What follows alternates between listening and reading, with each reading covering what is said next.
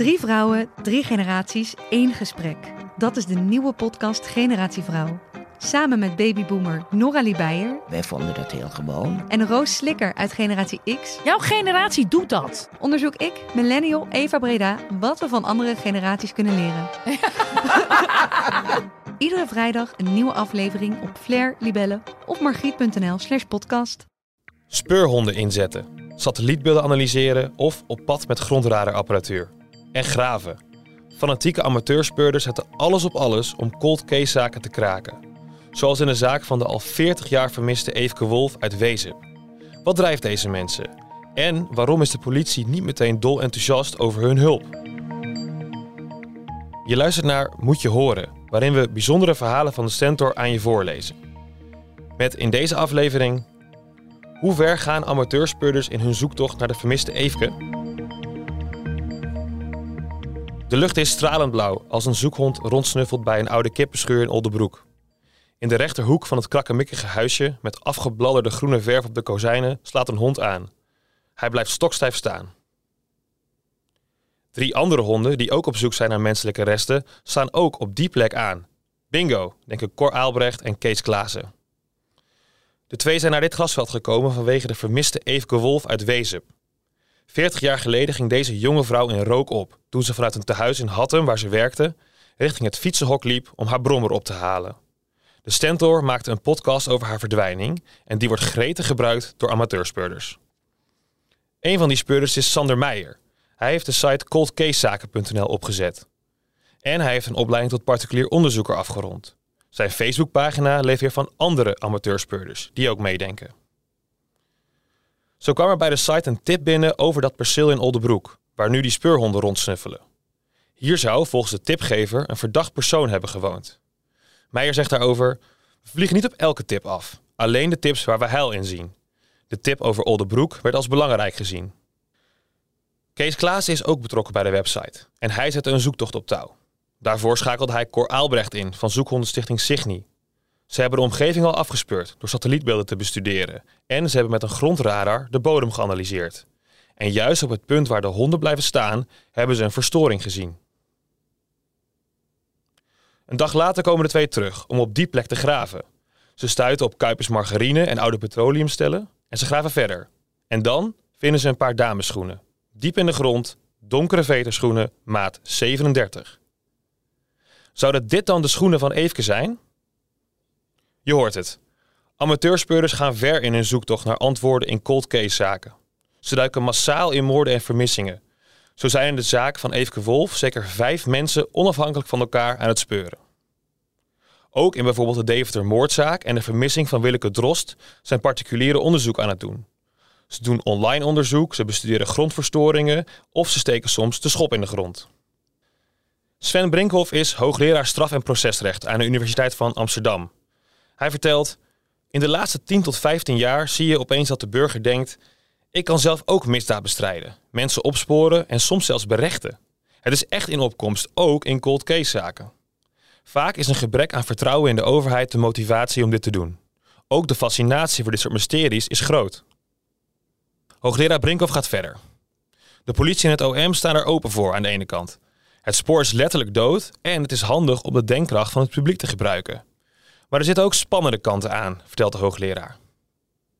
De burger is geen professional, zegt hij. Die kan bewijsmateriaal besmetten, kwijtraken of zelfs stuk maken. En bovendien zit er vaak een persoonlijk randje aan. Als het goed is, kijkt de politie met een open blik, maar een burger die kan snel in een tunnelvisie belanden. Kijk bijvoorbeeld naar Maurice de Hond in de Deventer moordzaak. De politie en het OM zitten daarmee in een lastige spagaat, vertelt Brinkhoff. Amateurspeurders kunnen zaken van de grond krijgen en oplossen, maar het kan ook averechts werken. In het slechtste geval gaan speurders voor eigen rechter spelen. Dat zie je bijvoorbeeld bij pedojagers en dat is al eens helemaal verkeerd afgelopen. Die spagaat wordt ook duidelijk in de reactie van de politie. Marel van Steenberg is communicatieadviseur bij de politie en zij zegt daarover... De politie is altijd geïnteresseerd in feiten of omstandigheden die door burgers worden aangedragen en die kunnen helpen bij het oplossen van een zaak. Maar daarbij plaatsen wel een kanttekening. Het is belangrijk je te realiseren dat er ook voor burgers regels zijn wat kan en wat mag, net als voor de politie. En daarbij komt dat het van belang is dat eigen onderzoek van burgers niet moet conflicteren met een lopend politieonderzoek. En bij een cold case gaat het namelijk nog steeds om een lopend politieonderzoek. De politie roept speurders dan ook op vooral niet zelf te gaan graven. Letterlijk en figuurlijk. Van Steenbergen zegt, in het algemeen roepen we mensen wel op om niet zomaar onderzoek te gaan doen. Amateurspeurders naar Eefke hebben daar weinig boodschap aan. Daar waar de politie stopt, graven zij door.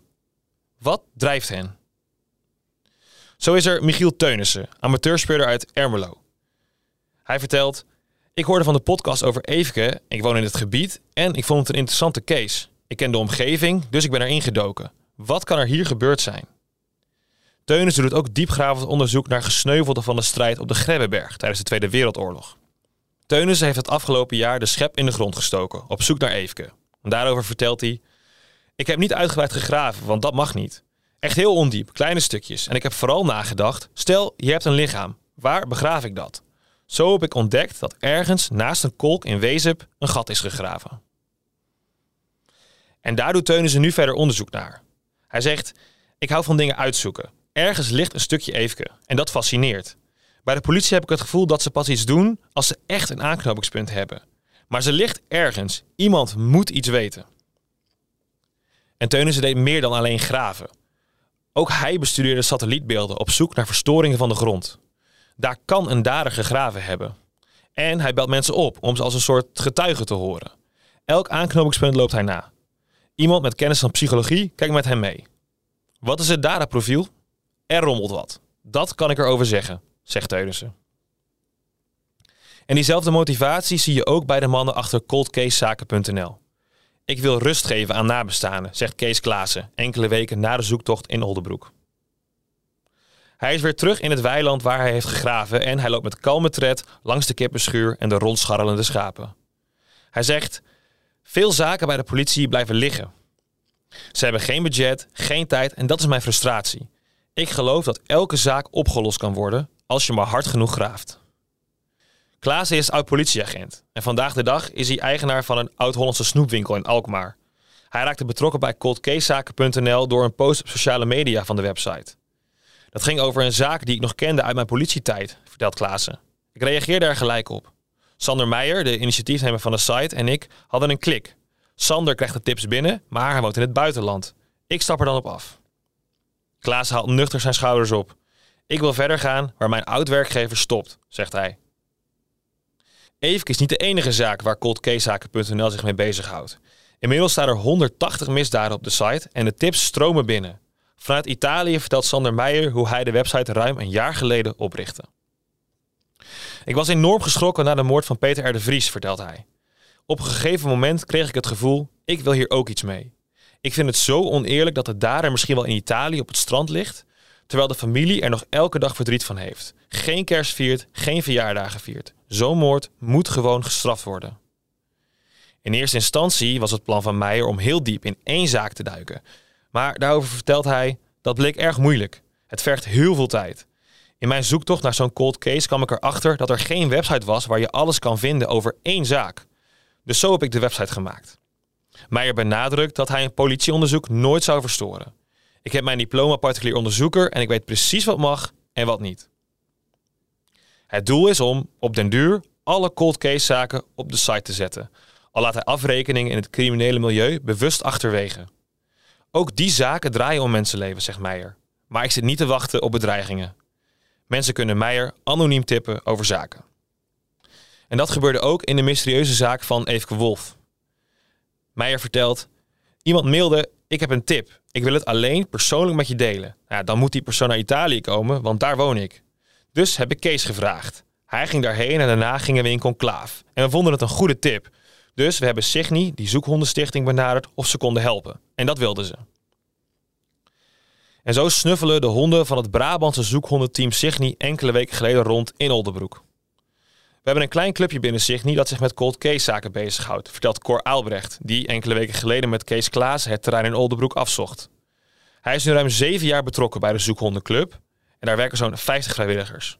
Hij vertelt: We worden benaderd door nabestaanden, maar ook door overheidsinstanties. Uiteindelijk willen we allemaal hetzelfde: de zaak opgelost zien.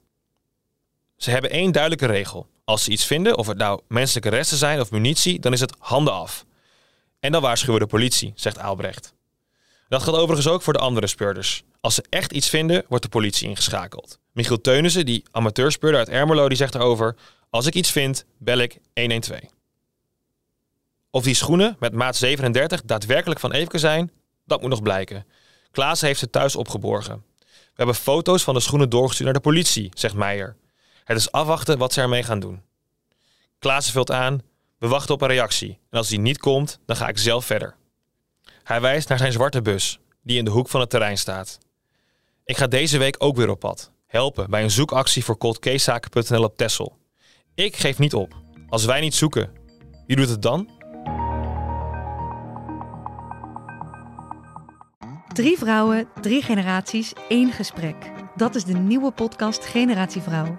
Samen met babyboomer Noralie Beijer Wij vonden dat heel gewoon. en Roos Slikker uit Generatie X Jouw generatie doet dat. onderzoek ik, millennial Eva Breda, wat we van andere generaties kunnen leren. Iedere vrijdag een nieuwe aflevering op Flair, Libelle of margriet.nl slash podcast.